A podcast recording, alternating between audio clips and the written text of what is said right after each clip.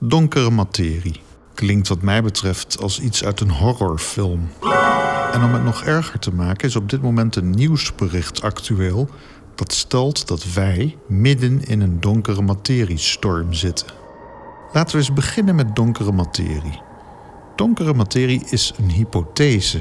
Deze veronderstelde gedaante van materie is dus nog niet waargenomen. Toch gaan astronomen er momenteel vanuit dat zo'n 85% van alle materie in ons heelal bestaat uit donkere materie. What? Hoe kunnen astronomen iets dergelijks beweren op basis van iets wat nog niet is waargenomen? Dat heeft te maken met de zwaartekracht.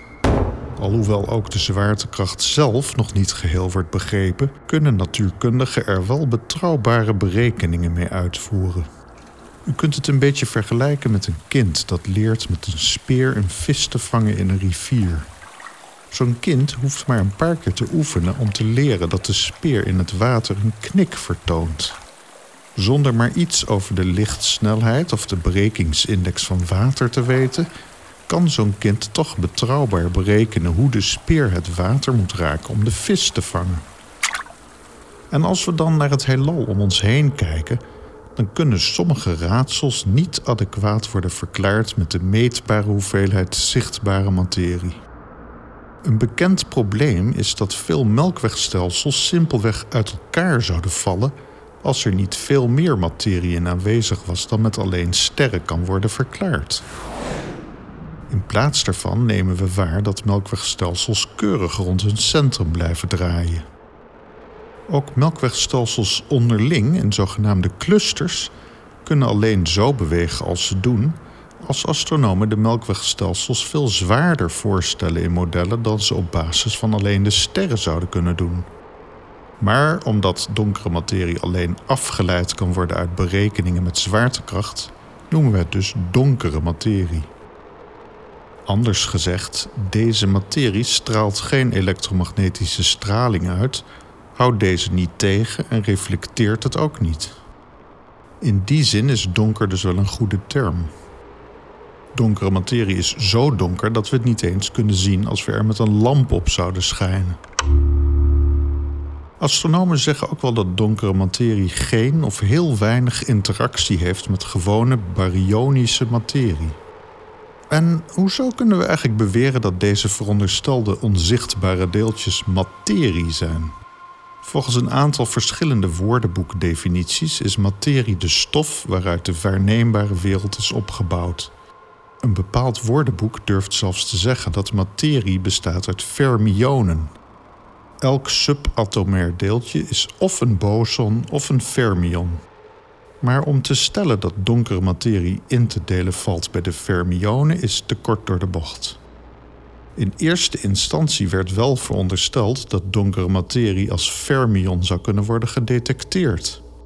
Maar de twee voor dit doel belangrijkste experimentele opstellingen op aarde hebben tot dusver geen succes gehad.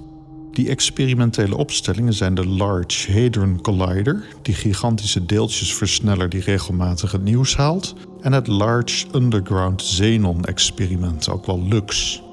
Met nog geen enkel succes om donkere materie waar te nemen met deze twee opstellingen, richten natuurkundigen hun pijlen nu ook op de bosonen. De astronoom Broadhurst bijvoorbeeld heeft samen met andere wetenschappers een model doorgerekend waarbij donkere materie als boson werd gerepresenteerd. Dit model leidde volgens dit team van wetenschappers tot een correcter model dan een waarbij donkere materie als fermion werd gezien. Samenvattend kunnen we zeggen dat we nog een eind verwijderd zijn van een volledig model van deeltjes. Voor nu gaan we ervan uit dat er daadwerkelijk een vorm van materie bestaat die we nog niet kunnen waarnemen met bestaande middelen. Enige tijd geleden werd de Gaia-satelliet gelanceerd, die heel precies de locatie, richting en snelheid van zo'n 2 miljard sterren meet. Dit zijn allemaal sterren in de buurt van onze zon. Deze enorme dataset is inmiddels beschikbaar voor het publiek. En daaruit is afgeleid dat een zwerm van zo'n 100 sterren richting ons zonnestelsel beweegt. Dat is op zich al interessant omdat de meeste sterren in onze melkweg gewoon om het centrum heen draaien, allemaal in dezelfde richting. Deze zwerm van 100 sterren draait dus in tegengestelde richting. Een beetje als een spookrijder op de snelweg dus. We noemen deze zwerm S1. Moeten we ons zorgen maken en zo ja, hoe lang moeten we aan de thema's PAM om goed te kunnen slapen? Eerst het slechte nieuws.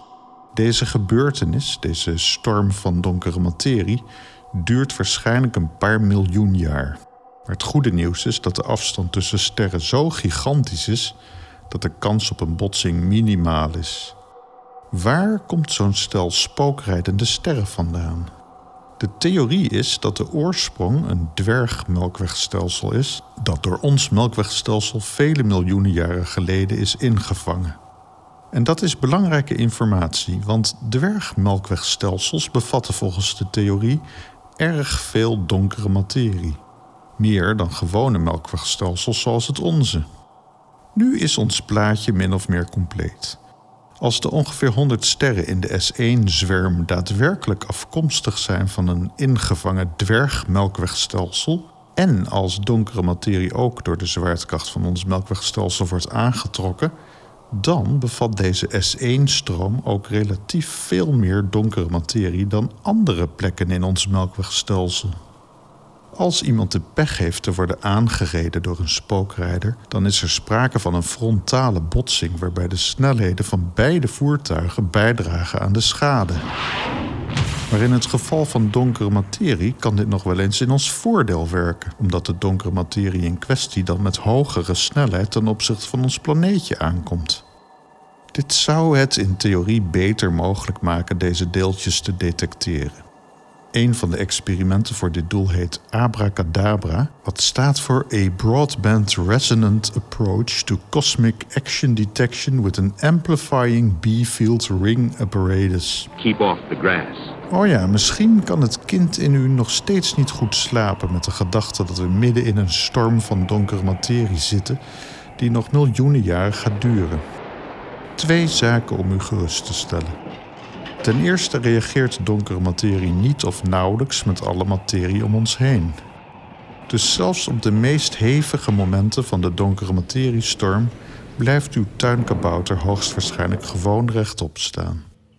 En ten tweede, deze storm was al begonnen ver voor uw geboorte. Met andere woorden, we weten niet anders dan hoe het is om te leven in een storm van donkere materie.